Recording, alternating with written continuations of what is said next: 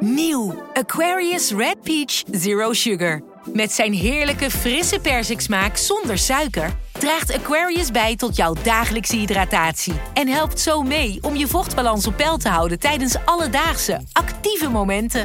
Thuis, op het werk of onderweg. Ook verkrijgbaar in smaken lemon en orange. Probeer hem nu.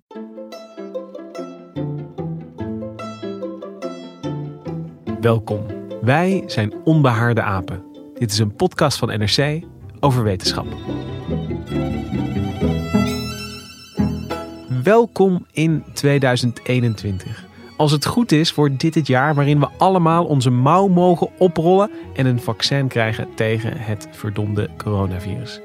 De eerste coronavaccins zijn goedgekeurd en in landen om ons heen wordt er al druk gevaccineerd. En ook in Nederland is vandaag begonnen met de vaccinatiecampagne. Het zal ongetwijfeld nog een hele poos duren voordat we echt bevrijd zijn van het virus, maar het eindspel is duidelijk ingezet. Een goed moment om met medisch redacteur Nicky Korteweg de balans op te maken. Wat weten we over vaccins, over de veiligheid ervan en over de verspreiding van die vaccins? Hoi Nicky. Ha Lucas. Nicky, jij volgt de ontwikkeling van deze vaccins eigenlijk al vanaf het begin. In, in maart ging het hier in Nederland ja, serieus mis voor de eerste keer. En als ik jou toen als medisch redacteur toen had gevraagd, hebben we over een jaar een werkzaam, veilig coronavaccin. Wat had jij toen gezegd? Oh, dat had ik nooit geloofd. Nee. Ik herinner me nog goed dat, dat toen natuurlijk de wereld rijkhalsend uitkeek naar een vaccin. Heel veel uh, producenten gingen er een maken. Het begon met 80 mensen die eraan begonnen. Nou, inmiddels zijn er 200 pogingen in de maak. En ik herinner me dat toen wel iemand zei: Nou, als alles helemaal goed gaat, dan zou je het misschien binnen anderhalf jaar kunnen halen. Maar normaal gesproken worden vaccins, ja, daar doe je, doe je vijf jaar, tien jaar over, soms nog langer. Dus uh, nee, ik, ik had niet verwacht dat dit echt zo snel gelukt zou zijn. En dat is dan misschien ook het grote wonder van dit hele proces dat die vaccins er nu zijn, dat ze klaar zijn, dat ze eigenlijk al ja, armen ingaan. Ze, ja. zijn, ze zijn er gewoon en, en ze lijken best wel goed te werken. Nou, dat, vooral dat laatste ook. Ik vind het echt een enorm wonder dat ze dit zo snel hebben kunnen maken en testen. Maar ja, we hebben echt enorm geluk ook dat het zo goed werkt. Ja, en tegelijkertijd die snelheid die roept ook weer vragen op van kan dat wel zo snel? Uh, wat weten we dan over de veiligheid? Ik, ik ben benieuwd, krijg je ook in je privéomgeving veel van dat soort vragen? Ja, ik krijg best veel vragen, eh, omdat mensen ook wel weten dat ik er, eh, dat ik er bovenop zit. En ik wilde dat ook wel echt heel graag weten. Hoe veilig is dat nou? Wat weten we daar nou allemaal over? Want sommige van die vaccins, zeker die nu zijn goedgekeurd, dat zijn toch nieuwe technieken. Die waren nog niet op de markt. Dus ja, ik kan me die, die vragen levendig voorstellen. Ja, die had ik zelf ook. We gaan er heel diep induiken, maar ik wil nu alvast wel weten: ben je dan overtuigd geraakt van dat het, dat het kan, een, een veilig vaccin in een jaar? Ja, ja. Tot mijn stomme verbazing. Ja, ik zou dit zo nemen. dat vind ik alvast heel uh, geruststellend. Um, ik zeg al, er zijn veel vragen over vaccins. En we hebben die vragen ook gesteld aan jullie, de luisteraars. We hebben uh, opgeroepen om vragen in te sturen. En dat hebben jullie ook gedaan. Heel veel goede vragen kregen we binnen. En uh, ja, Nicky, ik ga ze gewoon straks één voor één op je, op je afvuren. En dan hoop ik dat, dat je dat vragenvuur, uh, dat je dat nog een keertje wil ondergaan samen met ons. Tuurlijk, nog vaker. Ja, en ik had een, eigenlijk, ik wil beginnen met een vraag die, die, die niemand dan stelt. Dus ik ga hem eigenlijk stellen. Maar ik wil even gewoon helemaal terug naar het begin. Wat is een vaccinatie eigenlijk ook alweer? Waarom willen we dat? Waarom gaan we dat doen? Wat is het principe van een vaccinatie? Ja, nou, een vaccinatie, dat is bedoeld om afweer op te wekken tegen een bepaalde ziekteverwekker, een virus in dit geval. En dat doe je door een heel klein stukje of een onschadelijk deeltje van het virus in te spuiten. En dan ziet jouw afweersysteem zo'n onbekend eiwitje of een onbekend virusdeeltje. En uh, dan maakt het daar antistoffen tegen. Afweercellen worden, worden geactiveerd. En er wordt een immuungeheugen aangelegd. Zodat als je dan echt geïnfecteerd wordt, met, met dit virus, uh, dat, je, dat het afweersysteem dan klaar staat en dat het het snel kan opruimen. Je gebruikt dus eigenlijk ehm, een natuurlijk proces, want dit, deze reactie die je beschrijft, dat, dat je lichaam zeg maar ja, leert om een ziekteverwekker te herkennen. Dat, dat doet het ook gewoon met als, als je een echte virusinfectie doormaakt. Maar dat, dat proces gebruik je dus eigenlijk maar dan maar met, met, een, met een stukje van het virus. Ja, met een onschadelijk stukje of, of doodgemaakt virus. Of uh, iets wat op het virus lijkt, maar waar je niet ziek van wordt. Ja, je bootst eigenlijk gewoon een infectie na. Ja, en op deze manier houden we nog heel veel kinderziekten ook uh, onder de duim. Van mazelen tot rode hond, ja. bof. Ja, een heleboel ziektes zijn we, zijn we de baas. Hè. Polio is natuurlijk uh, een van de eerste ziekten waar een vaccin tegen ontwikkeld is. Nou, dat is in de westerse wereld uitgeroeid. Mazelen is ook een flink uh, stuk op weg. Er zijn een heleboel ziektes uh, die op deze manier sterk zijn teruggedrongen en, en heel soms zelfs uh, uitgeroeid. En het is dus ook niet gek dat uh, op, ja, eigenlijk vanaf het vroegste begin dat, dat uh, dit, dit virus eigenlijk de kop opstak. Dat er meteen aan vaccins gedacht wordt van, van dit is een, een, een goede ja, wapen om in ons arsenaal te hebben. En er eigenlijk vanaf het begin met die ontwikkeling is gestart. Nee, dat, ja, vaccinmakers staan daarvoor paraat. Bij een eventuele uh, uitbraak van een epidemie is, is een van de eerste dingen die je moet gaan maken, een vaccin. En uh, dat is natuurlijk ingewikkeld, want het is een nieuw virus, daar weet je nog niks van. Maar ja, dat is wel wat geda gedaan moet worden. En jij zegt al, we krijgen nog veel uh, ja, oldschool vaccins. maar wat is dan een, een ik bedoel, het is nu 2021. Wat is een new school vaccin? Ja, nou, oldschool is inderdaad dus je geeft verzwakt levend virus of je geeft doodgemaakt virus. Dat zijn die twee opties. Maar nieuwere technologie, uh, daarbij maak je zelf een stukje eiwit van het virus. Dat kan met de huidige biotechnologische technieken gewoon in een lab. Dus dan kun je in een lab een stukje corona-eiwit maken in dit geval. En dan spuit je dat gewoon in. Dus dan hoef je niet meer zo'n uh, zo'n virusprutje te maken, zeg maar. Maar maak je gewoon een schoon stukje eiwit. Uh, dus dat is een manier. En dan heb je nog geavanceerdere uh, technieken. Dat zijn genetische vaccins.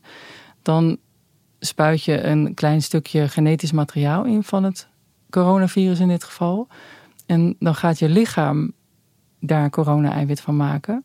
En dat ziet dan je afweersysteem waarop het antilichaam gaat maken en, en een afweerreactie maakt. En dat is een compleet nieuwe manier van, uh, van vaccins ontwikkelen eigenlijk. Dat je dus ons eigen lichaam weer gebruikt om dus viruseiwitten aan te maken. Ja, dat is vrij nieuw. En zeker, er zijn ook weer twee verschillende manieren voor eigenlijk. En de vaccins die nu zijn goedgekeurd, dat zijn RNA-vaccins. En dat is eigenlijk de allernieuwste manier. Daarvan waren nog geen vaccins goedgekeurd en op de markt tegen andere ziektes. Maar ze worden wel veel onderzocht uh, tegen kanker. Op een andere manier gebruik je zo'n vaccin dan. En uh, er zijn ook wel een aantal proeven bij bijvoorbeeld griep, sommige infectieziekten. Daar wordt, werd het wel op uitgetest. Dus het is niet zo nieuw in die zin. Hè, ze zijn er al bijna 30 jaar mee bezig.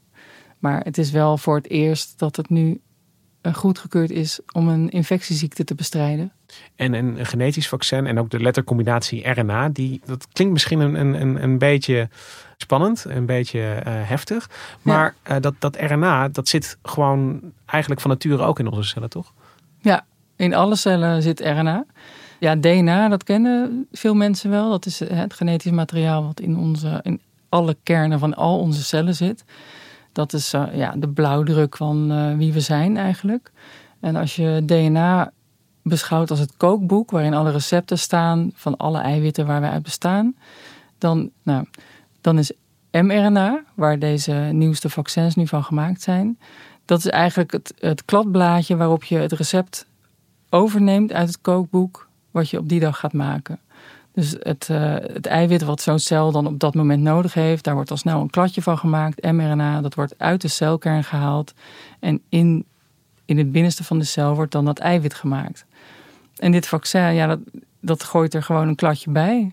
In, in elke cel zitten er nou zeker 10.000 van dat soort mRNA-moleculen. En dan, ja, met dit vaccin krijg je er gewoon krijg je een paar cellen rondom die prikplek, krijg je dan uh, zo'n kladje erbij.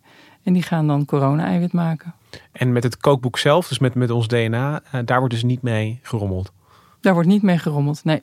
nee. En, en die kladjes, uh, onze cellen gaan die virus-eiwit maken. En op dat moment zit je eigenlijk al op hetzelfde spoor als die oude vaccins. Want dan is er ineens een eiwit dat, dat je lichaam niet kent. En, en daar kan dan die afweerreactie die je eerder beschreef, zeg maar, op gaan komen. Ja, ja.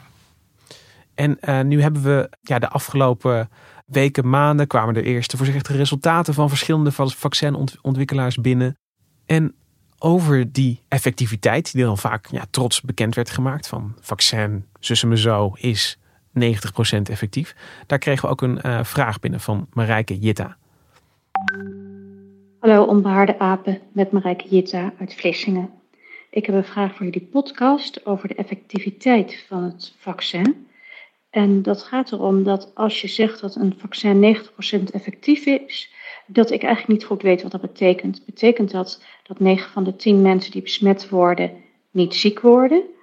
Of betekent het dat van de 10 mensen die besmet zijn uh, en dus het virus bij zich dragen, dat, die, dat 9 van de 10 niet ook het virus weer over kunnen dragen aan mensen? Ja, dat is een hele goede vraag. De fabrikanten buitelden over elkaar heen met, uh, met percentages. De ene was 90% en de volgende 92% en de andere 95%. En dan kwam er eentje tussen met 65 en dan waren we een beetje teleurgesteld. Ja, terwijl dat aanvankelijk eigenlijk ook al uh, een heel hoog mooi percentage zou zijn. En ja, wat die percentages uitdrukken is eigenlijk het eerste wat, wat Marijke zei. Als het 90% uh, effectiviteit geeft, dan, dan zegt dat eigenlijk dat 9 van de 10 mensen niet ziek wordt die het vaccin hebben gekregen. Dat zegt dus nog niks over of je dan niet meer besmettelijk bent. Dat is nog niet bekend. Dat, dat, dat moeten echt nog de studies uitwijzen. Dit vaccin, die, daar zijn ze, die zijn uitgekozen op dat ze beschermen tegen de ziekte.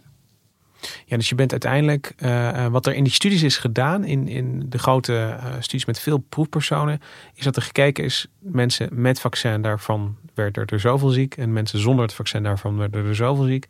En dan kun je uiteindelijk die rekensom maken en zeggen, nou, dit vaccin is 90% effectief, dus het voorkomt 90% van de ziektegevallen. Mag ja, ik dat zo zeggen? Precies, ja.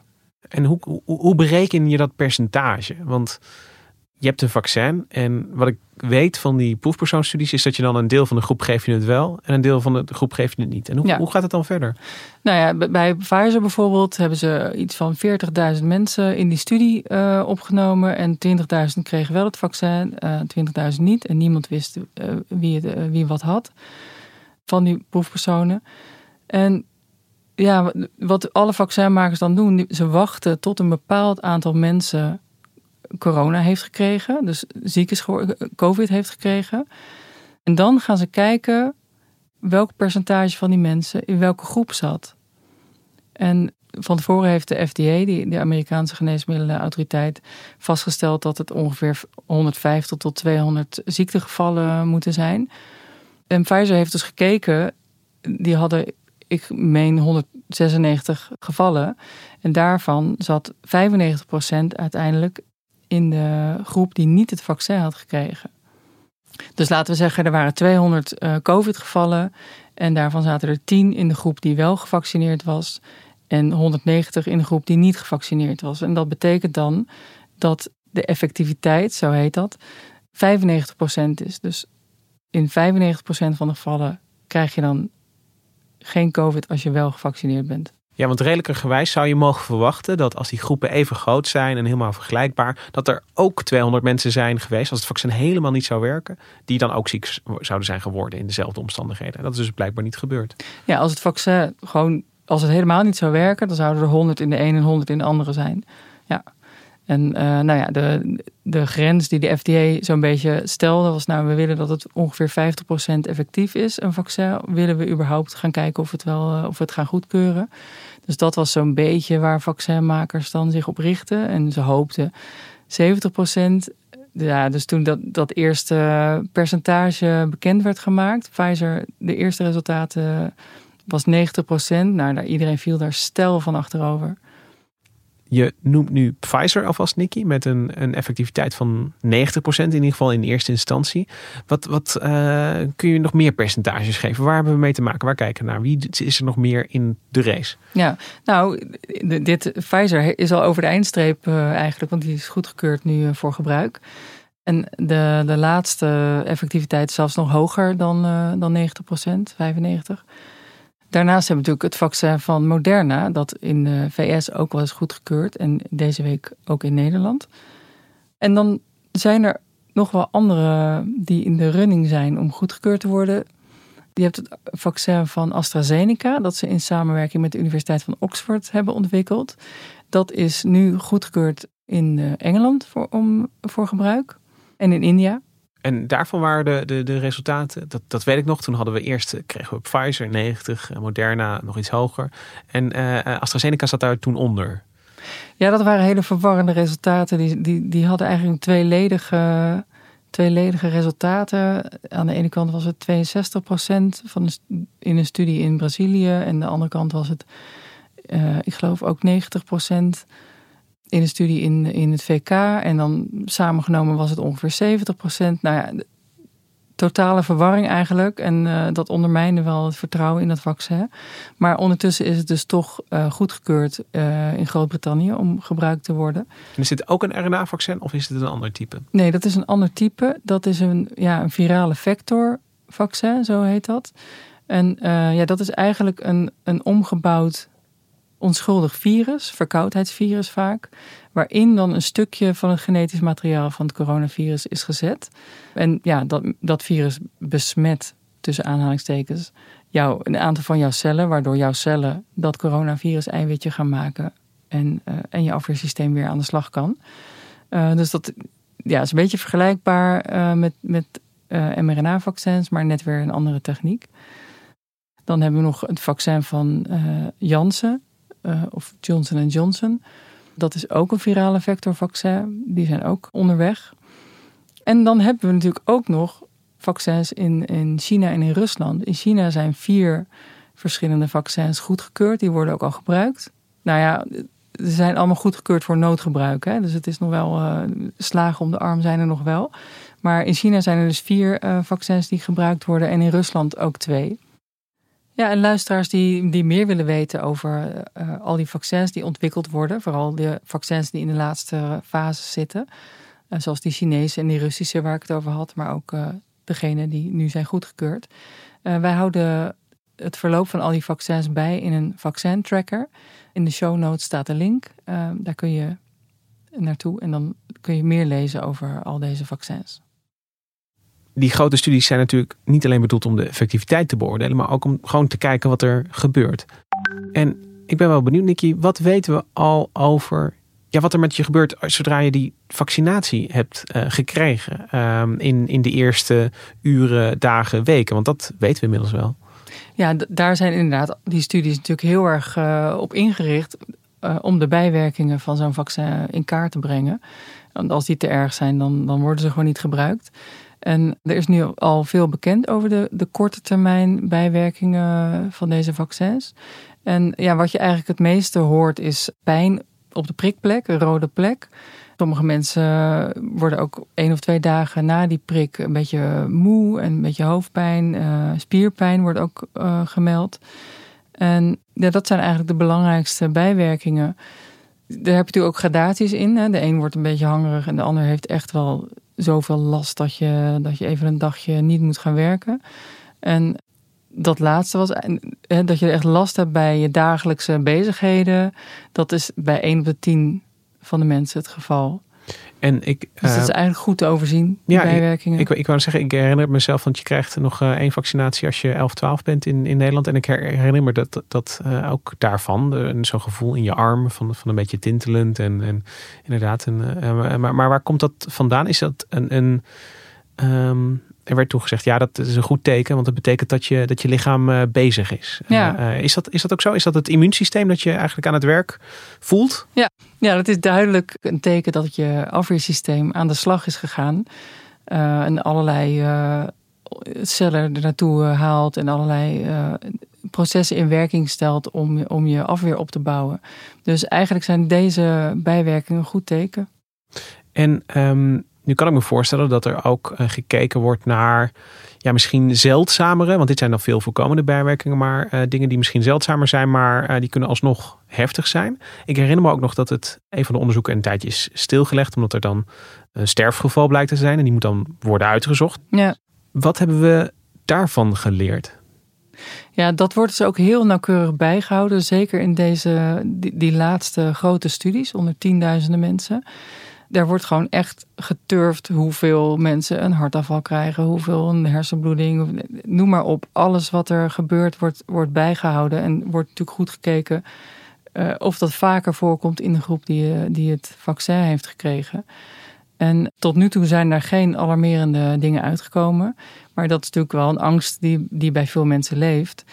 Misschien komt er nog iets over een, een paar maanden uit. Echt zeldzame bijwerkingen. Eh, daarvoor lopen deze studies gewoon nog te kort om, uh, om daar, daar iets over te kunnen zeggen. Voor die ja, hartaanvallen, hersenbloedingen is dus geen effect. Maar er zijn ook berichten geweest over mensen die een allergische reactie kregen na het uh, krijgen van een vaccin. En daarover kregen we ook een vraag binnen. Beste behaarde apen, mijn naam is Jeroen van der Kamer en ik woon in het prachtige stadje Utrecht. Er zijn mensen die allergisch zijn voor bepaalde vaccins. Waarschijnlijk heeft dat met een kippeneiwit of iets dergelijks te maken.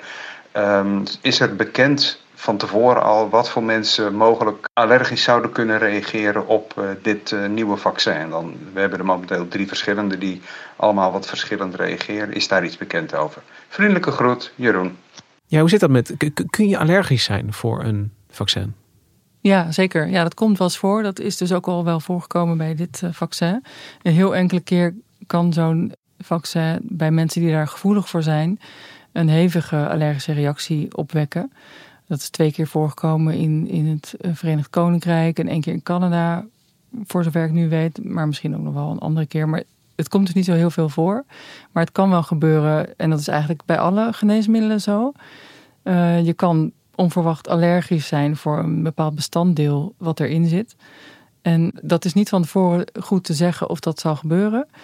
Maar er staat wel op alle priklocaties normaal gesproken een koffertje klaar met een, uh, met een injectie, een adrenaline-injectie om dat uh, tegen te gaan stel je hebt een pindaallergie en, en je eet per ongeluk een pinda, dan krijg je ook zo'n injectie om, om je immuunsysteem weer een beetje tot, tot bedaren te brengen. Ja. Uh, dat gebeurt dan ook als, als, ze, als ze dat doorkrijgen, dat je daar op dat moment een hevige allergische reactie krijgt. Ja, want zo'n reactie, dat, dat treedt vrijwel direct op binnen 15 minuten. Dus uh, ja, dan ben je er op tijd bij. En ja, het is echt lastig te zeggen. Kijk, mensen die van zichzelf weten dat ze, dat ze erg allergisch op dingen reageren, ja, daar, daar neemt de kans natuurlijk wel toe. Maar het is lastig te zeggen bij wie dat zou gaan gebeuren.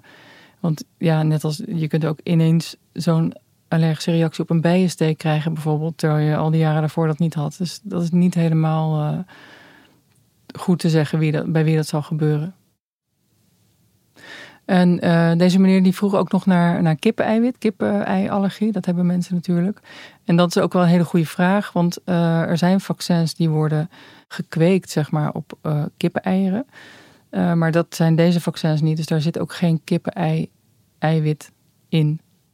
Ja, dus mensen met een kippeneiallergie hoeven niet meteen zich zorgen te maken? Niet bij deze vaccins, nee. Ja, ik las ook dat het RVM adviseert om uh, als je van jezelf weet dat je eerder op een vaccinatie allergisch hebt gereageerd, om dat in ieder geval wel aan te geven. Want dat, uh, dat kan misschien uitmaken voor of je op dat moment ook een allergische reactie kan krijgen, omdat een van de bestanddelen bijvoorbeeld overeenkomt. Hoi, mijn naam is Rens Nachtgaal en ik uh, kom uit Al van Rijn. Ik had een, een vraagje voor jullie. Um, er is natuurlijk een hoop, hoop zorgen over, over het vaccin, wat de effecten van het vaccin zijn. Nou, kunnen we natuurlijk korte termijn effecten ondertussen al wel zien. Uh, maar hoe zit het met lange termijn effecten? Eh, zijn er manieren waarop je nu al een goede inschatting kan maken van wat de lange termijn effecten van die vaccins zijn? Ik, uh, ik vraag me af. Ben benieuwd naar jullie antwoord. Joejoe, bedankt. Ja, er leven natuurlijk veel zorgen over die lange termijn effecten. En ik had eigenlijk diezelfde vraag. En ik ben erin gedoken. En dat is eigenlijk iets waar, waar vaccinmakers zelf ook heel erg uh, mee bezig zijn. Er is zelfs nu in deze pandemie een denktank opgericht door de Amerikaanse overheid. En daar zitten eigenlijk afgezanten in van alle, alle vaccinmakers, ook wetenschappers. De FDA schoof af en toe aan. En daar bespreken ze allerlei thema's die spelen bij vaccin, de vaccinmakerij uh, tegen COVID. En waaronder ook natuurlijk dit soort uh, bijwerkingen. Dus daar is eigenlijk heel veel openheid en, en discussie over bij vaccinmakers onderling. En het scherpst wordt gelet op vaccin-geassocieerde versterkte ziekte. Uh, dat is afgekort VAED in het Engels. En daarbij um, heb je eigenlijk de vervelende situatie dat iemand na een vaccinatie juist erger ziek wordt als hij dan besmet raakt met dat virus waar je eigenlijk tegen gevaccineerd bent. En dat is in het verleden een aantal keer voorgekomen. Eén keer bij een, vaccin tegen het RS-virus, ook een ademhalingsvirus. En ook een keer met een vaccin tegen knokkelkoorts. En het is ook gezien in dierstudies met uh, vaccins tegen SARS en MERS. En dat zijn ook coronavirussen. Dus ja, daarom zijn vaccinmakers daar extra alert op. En op basis daarvan heeft de FDA ook nog extra eisen gesteld aan de, de resultaten van die vaccinmakers. Want er is een bepaalde immunologische cel, celtype, uh, waar je er meer van moet hebben dan van een ander type. En dus die verhouding moet kloppen.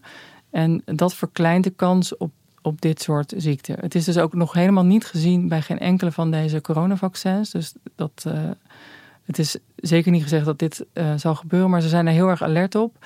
En met behulp van die extra ijs proberen ze de kans daarop zo, zo veel mogelijk te verkleinen. Ja, dus er zijn wel uh, zeg maar systemen neergezet om uh, dit in de gaten te blijven houden. Ja. En dus ook al om, om bij voorbaat de kans kleiner te maken. Ja, bij voorbaat al. Die FDA die stelt als eis dat de T-helper 1 cellen, dat is een heel specifieke uh, groep immuuncellen, uh, dat die sterk geactiveerd moeten zijn door het vaccin en T-helper 2 cellen juist minder sterk. En uh, ja, al die vaccins die worden goedgekeurd, die moeten daar dus aan voldoen. Mijn naam is Sander, ik kom uit Haarlem en mijn vraag over het vaccin is het volgende. Dat, is, dat gaat eigenlijk niet over het coronavaccin zelf, maar over alle andere vaccins die in het verleden zijn ontwikkeld.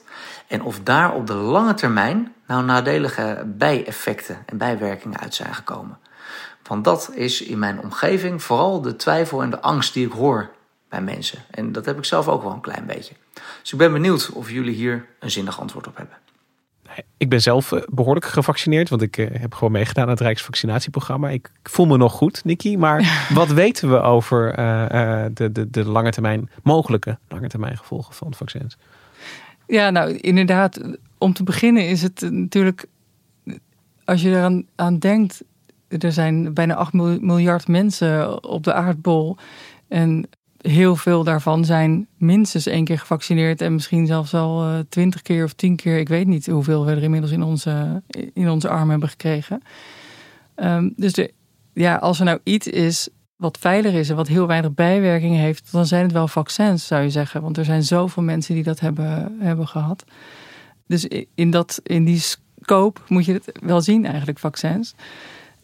Maar eh, die, uh, ook die zeldzame bijwerkingen die worden natuurlijk goed in de gaten gehouden. En dat, dat kan alleen maar uh, terwijl het al gebruikt wordt, omdat we gewoon de tijd tekort komen. En um, daar, is, daar, dat, daar wordt op Europees niveau naar gekeken. Uh, daar is een monitoringssysteem voor opgezet, waarbij ze kijken naar nou wel 38 verschillende aandoeningen die eventueel zouden kunnen optreden. Die hebben ze al in kaart gebracht om te kijken hoe vaak dat voorkomt, normaal gesproken. Zodat ze dan goed kunnen zien, als straks iedereen gevaccineerd is in Europa, of, of dat dan verhoogd is uh, na de vaccinatie. En uh, eigenlijk maar zeven van die 38 aandoeningen, dat zijn dingen die wel eens zijn voorgekomen bij een eerdere vaccinatie. En waar moet ik, ik dan aan denken? Ik vond het echt geruststellend weinig, eerlijk gezegd. Ja. Want ik, ik schrok eerst een beetje van, oh, 38 dingen die je kunt krijgen, misschien na een vaccinatie. Maar dat, dat is dus helemaal niet zo. Er, er zijn er zeven die wel eens zijn voorgekomen of waarvan ze denken dat het wel eens zou kunnen zijn voorgekomen. Want het is ook nog eens heel moeilijk om het te relateren aan een, aan een vaccinatie, zo'n bijwerking. Omdat het zo zeldzaam is en omdat het uiteindelijk heel weinig voorkomt. Maar ja, dat zijn dan dingen. Um, Nou, zo'n ernstige allergische reactie bijvoorbeeld, dat is zo'n ernstige uh, bijwerking. Daar wordt op gelet. Uh, koortsstuipen of uh, ja, ontstekingen van hersenen of zenuwen of van, van bloedvaten. Um, dat soort ziektes zijn wel eens voorgekomen. Maar altijd zeldzame gevallen. Het is, niet, het is nooit een, een, vaccin wat op grote schaal dit zou veroorzaken. Want dan zou het zijn ontdekt in, in een van die eerdere korter lopende studies. Ja. En ik kan me nog het verhaal herinneren van uh, de, de vorige bijna pandemie, zou ik willen zeggen. De, de Mexicaanse griep, waar toen ook uh, op een gegeven moment sprake was van een vaccin. Dat er uh, toen wel iets speelde met narcolepsie, de slaapziekte. Ja, dat was na een vaccinatie tegen de Mexicaanse griep in 2009. Toen leek bij kinderen in Scandinavië het aantal kinderen dat narcolepsie kreeg, dus die slaapziekte, dat leek verhoogd. Dus dat is daarmee in verband gebracht. Maar het is nog niet eens helemaal uh, duidelijk aangetoond of dat nou wel echt daardoor kwam. Uh, maar ze denken uiteindelijk dat dat door een, uh, een hulpstof is gekomen die in het vaccin zit. Een adjuvant, zo heet dat. En dat soort stoffen wordt vaak gebruikt om, om de immuunreactie te versterken. Hè, om te zorgen dat je echt een goede afweerreactie krijgt.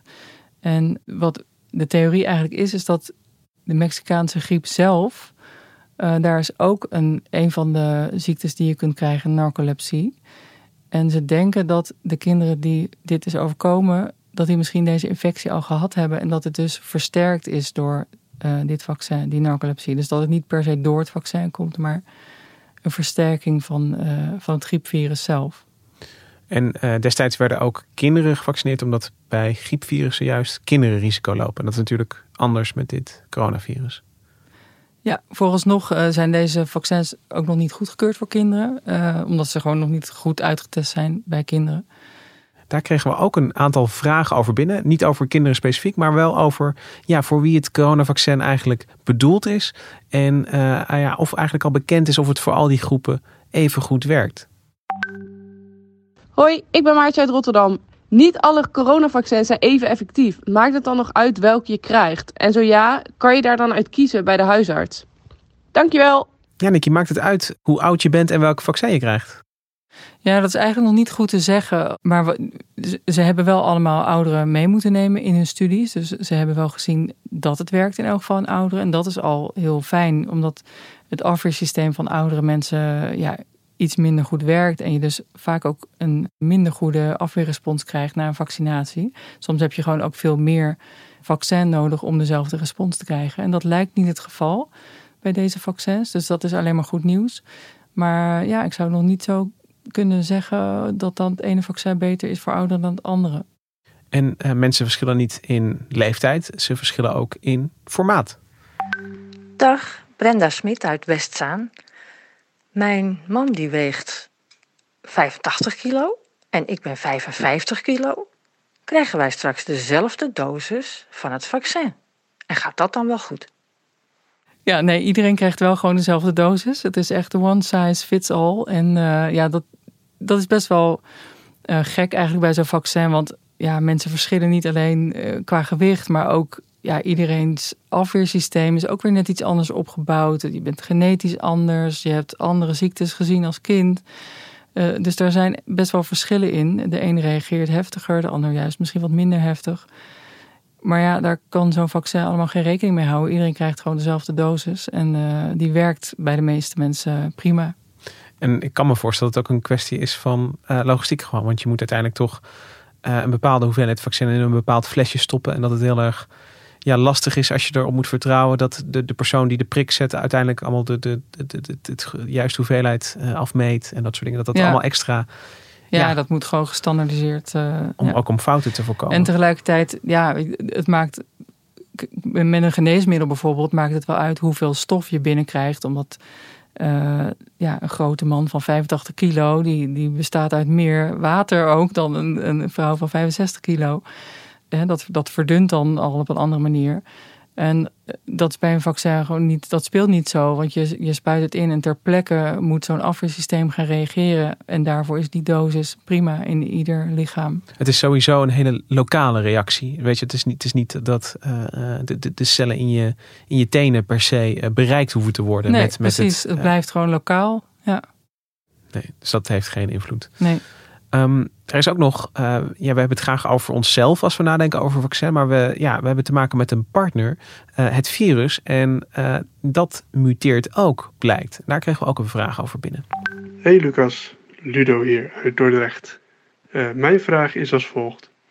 Het griepvaccin wordt dankzij de constante mutatie eigenlijk jaarlijks aangepast. Nog geen week geleden is er in Groot-Brittannië al een mutatie van COVID-19 vastgesteld. Hoe groot is de kans dat het huidige vaccin, wat in januari beschikbaar wordt gesteld, nog effectief of relevant gaat zijn over een half jaar? Ja, dat is een hele spannende vraag die ook vaccinmakers bezighoudt. Uh, al veel eerder dan deze Engelse variant, eerlijk gezegd, want dit virus muteert inderdaad. Uh, ja, het verandert gewoon terwijl het zich voortplant. Maar tot nu toe maken ze zich nog niet heel druk over uh, of die mutaties nou effect hebben op, uh, op de afweer die een vaccin uh, opwekt. En dat komt omdat, ja, dit, dit zijn eigenlijk maar heel kleine veranderingen. Die, die vaccins die wekken afweer op tegen het spike-eiwit. En dat is ja, zo'n spijkervormig eiwit wat aan de buitenkant van het coronavirus zit. En die mutaties, dus die veranderingen in die, in die Engelse variant bijvoorbeeld, dat is eigenlijk maar op drie plekken op dat hele eiwit. Dat hele eiwit bestaat uit 1250 bouwstenen. En nou ja, zeg drie daarvan, uh, die zijn iets veranderd. Maar dan heb je nog altijd antilichamen tegen al die andere plekken die, die nog steeds uh, het virus kunnen wegvangen. Dus vooralsnog maken ze zich daar niet zo zorgen over.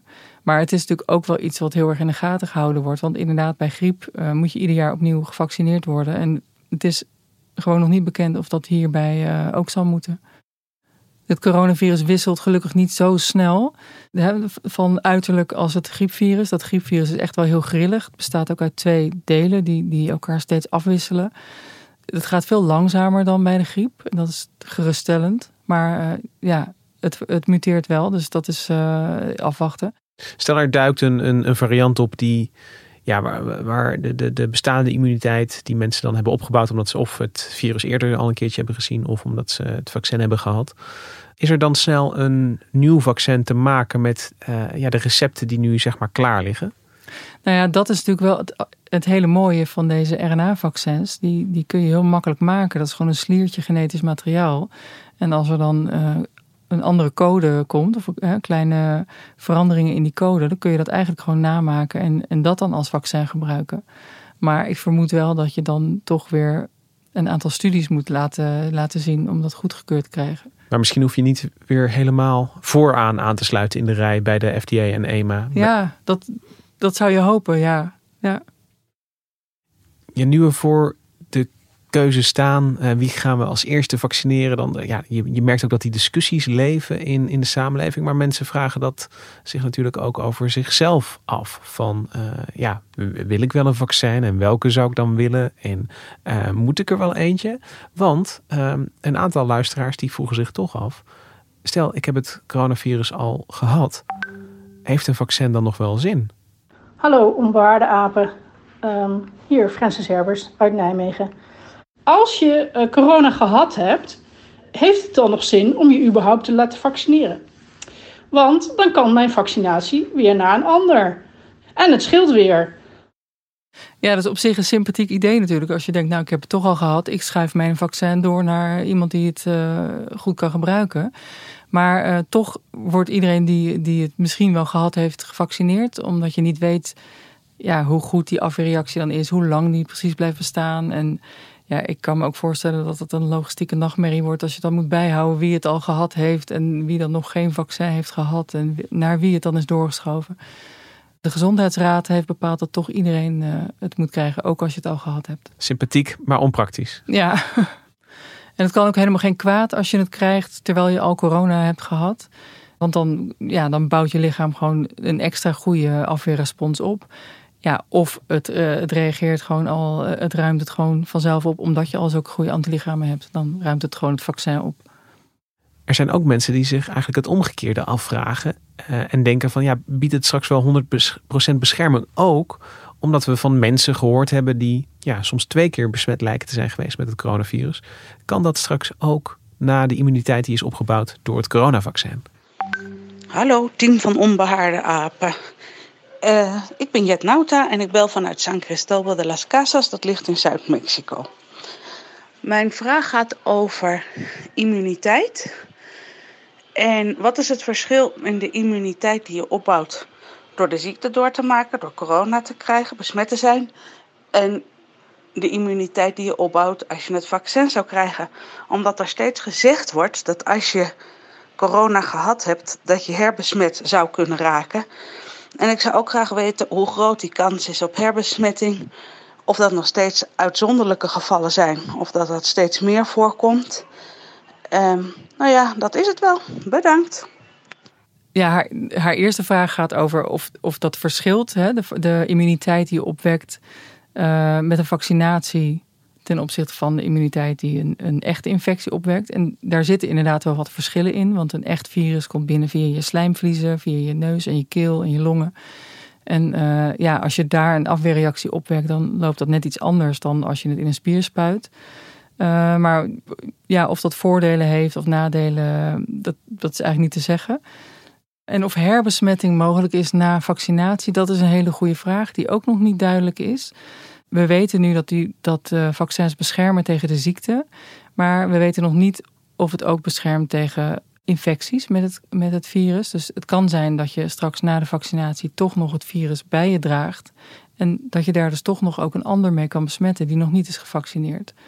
En dat is ook de reden waarom toch we, we nog lang met die maatregelen die we, die we nu allemaal zo goed met elkaar volhouden, dat we die nog een tijdje vol zullen moeten houden, omdat dat gewoon nog niet bekend is. Hoi, ik ben Anne uit Hoevelaken en ik ben nu 26 weken zwanger.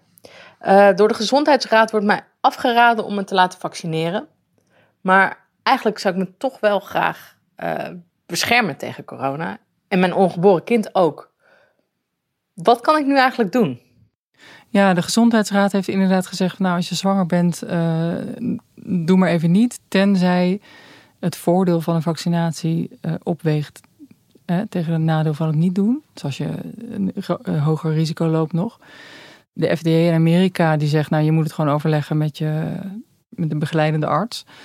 Uh, dus ja, landen zitten daar verschillend in. Maar in principe is de boodschap natuurlijk: we doen het nog niet bij zwangeren, omdat dat nog niet goed genoeg getest is.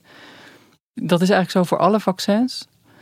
En tegelijkertijd worden ze ook wel gegeven aan zwangeren als dat nodig is, als, als bescherming tegen die ziekte uh, duidelijk voordelen heeft ten opzichte van het niet doen. Iets om te bespreken in ieder geval met huisartsen, ja. lijkt me, of ehm, GGD in. Er, er zijn natuurlijk mensen die ja, om, om, verschillende redenen twijfelen aan de intenties van vaccinmakers of overheden. Uh, en die om die reden een, een, vaccin niet willen nemen. En ik um, vroeg me af, hoe ga jij daarmee om als medisch journalist? Wat, wat, uh, hoe, hoe, krijg je dat soort signalen en hoe verhoud jij je daartoe? Ja, dat vind ik heel lastig. Er is natuurlijk een groep die, die echt overtuigd is ervan dat het niet nuttig is of zelfs schadelijk uh, om zo'n vaccin te nemen. En ik heb het idee dat daar ook niet, hè, hoeveel informatie je ook geeft, dat daar ook niet makkelijk verandering in komt. Uiteindelijk is het natuurlijk ieders eigen beslissing. Dus ja, als je het echt niet wil nemen, dan, uh, dan neem het gewoon niet. Het is daarbij wel altijd ja, een afweging tussen het individuele belang en het groepsbelang. En um, ik denk dat mensen dat misschien niet altijd even duidelijk voor ogen hebben. Je doet dit echt voor de groep. Ja, dat, dat kun, niemand kan het in zijn eentje. Dat moet echt, dat kan alleen gebeuren als iedereen zich uh, beschermt tegen deze infectie. Dus uh, ja, het is echt in ieders belang om mee te doen eigenlijk. In het groepsbelang. Dus ja, dat verbaast mij nog wel eens. Eh, soms zijn het, zijn het echt weldenkende mensen en ook ja, natuurliefhebbers. Hè, die, die echt begaan zijn met het lot van de wereld. En ik denk dat juist dit iets is om, om de wereld mooier en beter mee te maken. Wat het misschien ingewikkeld maakt, is dat er uh, partijen bij betrokken zijn, farmaceutische bedrijven, um, uh, die uiteindelijk toch uh, bedrijven zijn en, en geld verdienen aan het maken van, van medicijnen en het maken van vaccins. Um, daar kregen we ook een vraag over. Goedenavond, Lucas. Dit is Patrick van Renen uit Hoofddorp. Um, ik zit hier op de bank wetende dat ik zelf het virus heb. Maar mijn vraag gaat eigenlijk ergens anders over. Ehm, Lucas, kan jij mij vertellen hoe groot is de kans dat we over een maandje of wat ergens in, het, uh, in de krant lezen dat de eigenaar van Pfizer, de eigenaar van uh, de maker van, van de vaccin, uh, ja, multi, multi, multi miljonair is geworden door de verkoop van, van de vaccins. Is het zo dat die bedrijven hier niet gewoon mega winsten mee gaan maken? Dat is mijn vraag.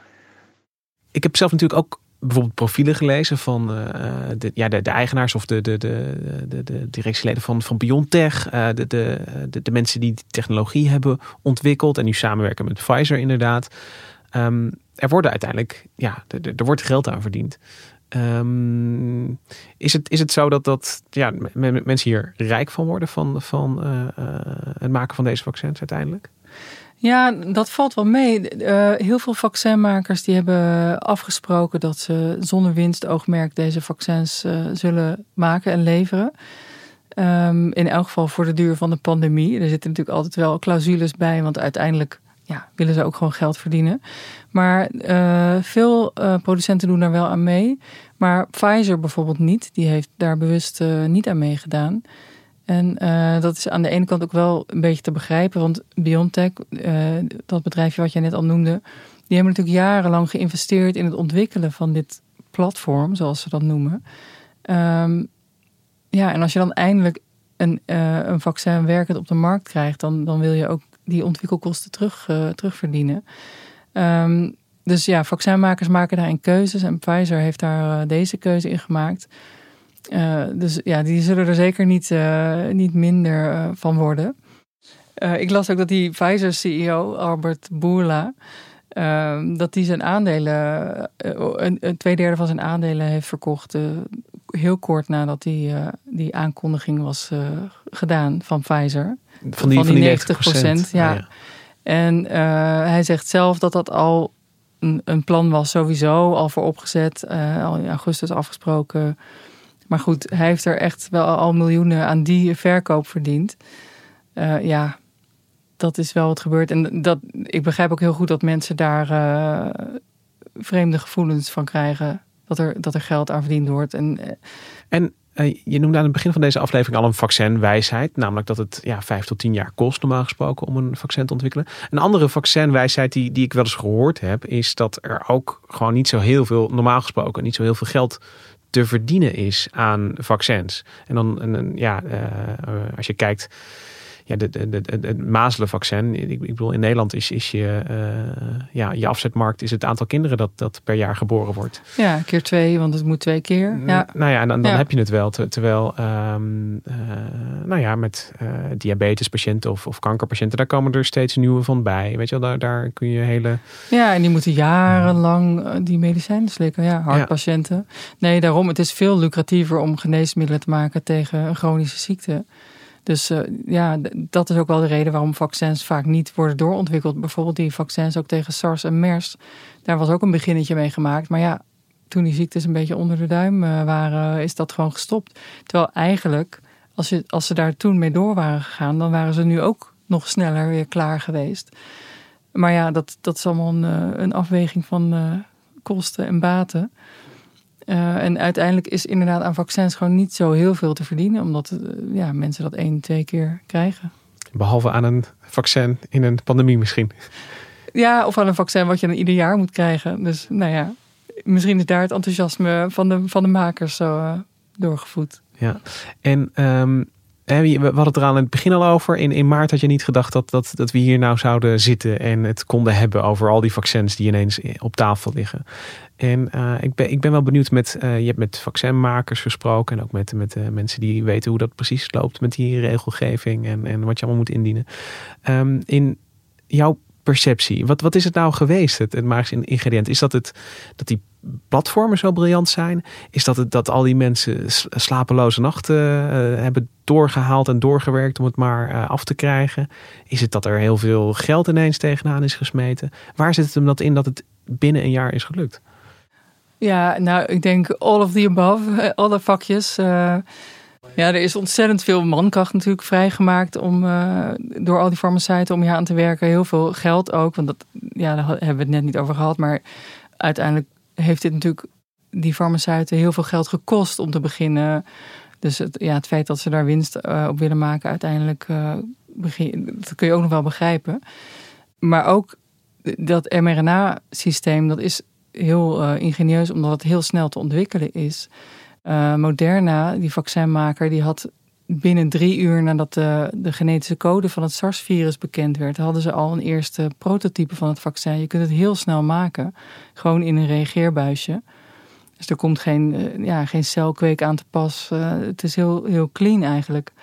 Dat heeft geholpen. Ik denk dat dat bepaalt dat daardoor deze RNA-vaccins zo snel klaar zijn. Tegelijkertijd vraag ik me af, um, de, de, informatie waar ja, wij het mee moeten doen, die is wel direct afkomstig van, uh, van bedrijven. Je noemde ja, net, net al, we krijgen uh, persberichten binnen van uh, hoera, 90 procent. Ja. En, en, de afzender is natuurlijk wel een, een bedrijf dat er winst mee moet maken. Hoe ga jij daarmee om als medejournalist?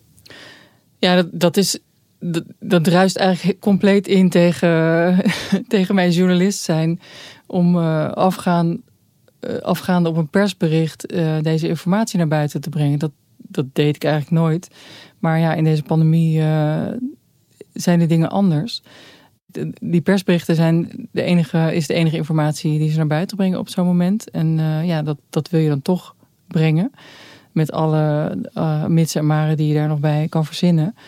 Dus die, aan de ene kant zijn die bedrijven natuurlijk, die beschermen hun studies. Die, die vertellen nog niet precies wat ze hebben gedaan, precies hoe hun vaccin eruit ziet. En tegelijkertijd uh, wil iedereen natuurlijk van elkaar weten wat ze dan precies gedaan hebben.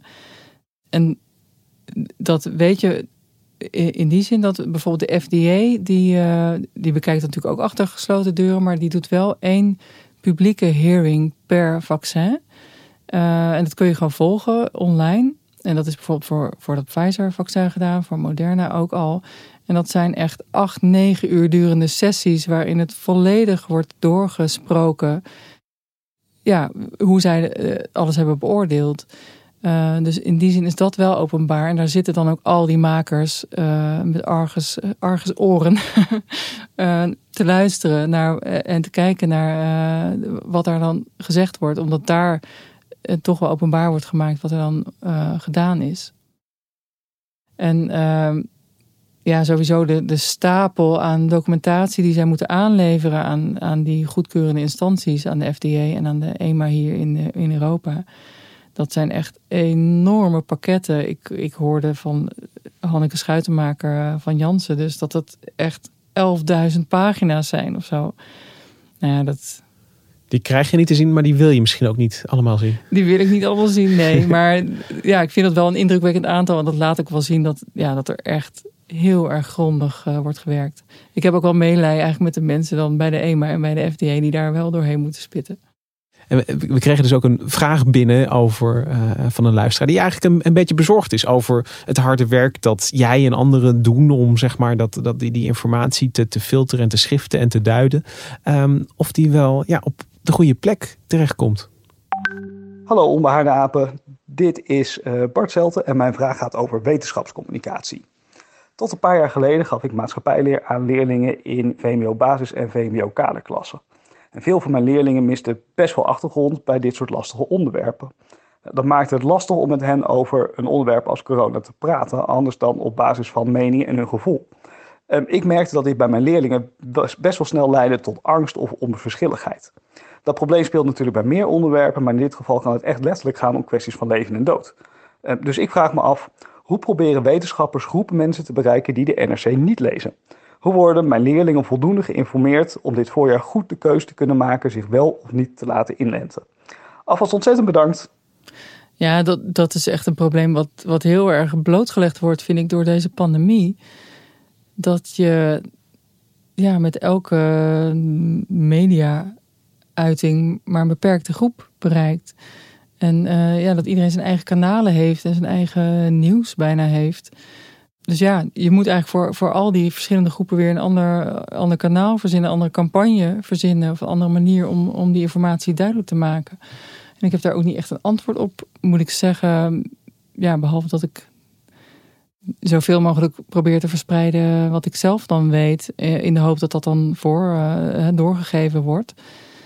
Ja, je, ik weet, hè, je ziet ook allemaal wel die, die, uh, zo'n Diederik Gommers die dan even met uh, Famke Louise op Insta gaat. In een poging om, om die uh, jongere groep te bereiken. Je, je, ziet echt wel mensen daarmee worstelen, vind ik, wetenschappers. Um, ja, het enige wat ik kan doen is alle informatie die ik vind verspreiden. En dat doe ik dan in de papieren krant en online en, en in deze podcast. Ja, en ik kan het is misschien wel een vraag aan de luisteraar om dat uh, dan verder te verspreiden. Ja, ik denk als je het hebt over de, de bubbels en eigen kanalen, ik denk dat, dat iedereen wel. Uh, kijk, niemand zit totaal verkokerd. Iedereen uh, heeft familieleden en buren en, en klasgenoten of ouders van, van, van kinderen die die kent en, en die misschien, ja, misschien wel gewoon reële vragen hebben. En ja, ik denk dat het niet, niet, niet vreemd is om, om van, van, uh, uh, van, van om misschien aan mensen te vragen die, die, die er wel net iets meer van weten, om, om ook die kennis dan wel te verspreiden.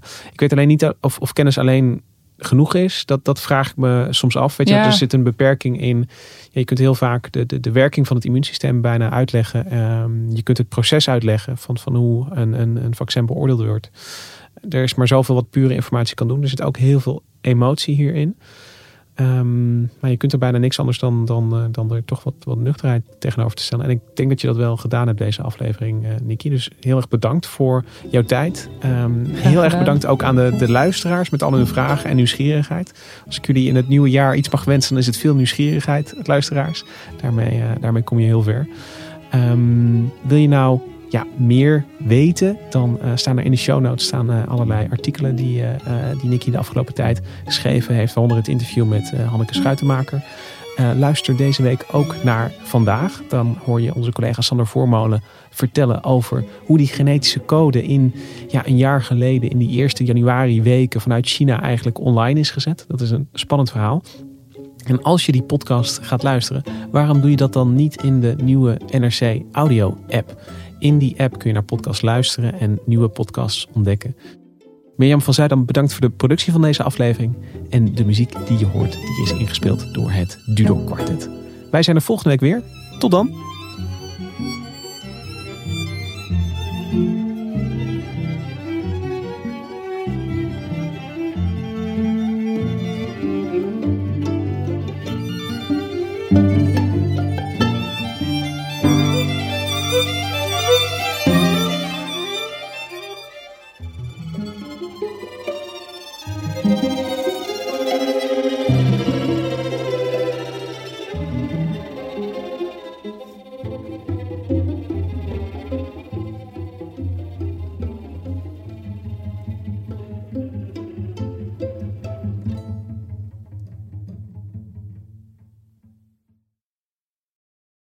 Financiële markten zijn veranderd, maar de toekomst, die staat vast. We zijn in transitie naar een klimaatneutrale economie. Dit biedt een van de grootste investeringskansen van onze generatie. Een kans voor u om mee te groeien met de pioniers van morgen. Meer weten? Ga naar carbonequity.com. Carbon Equity. Do good by investing better.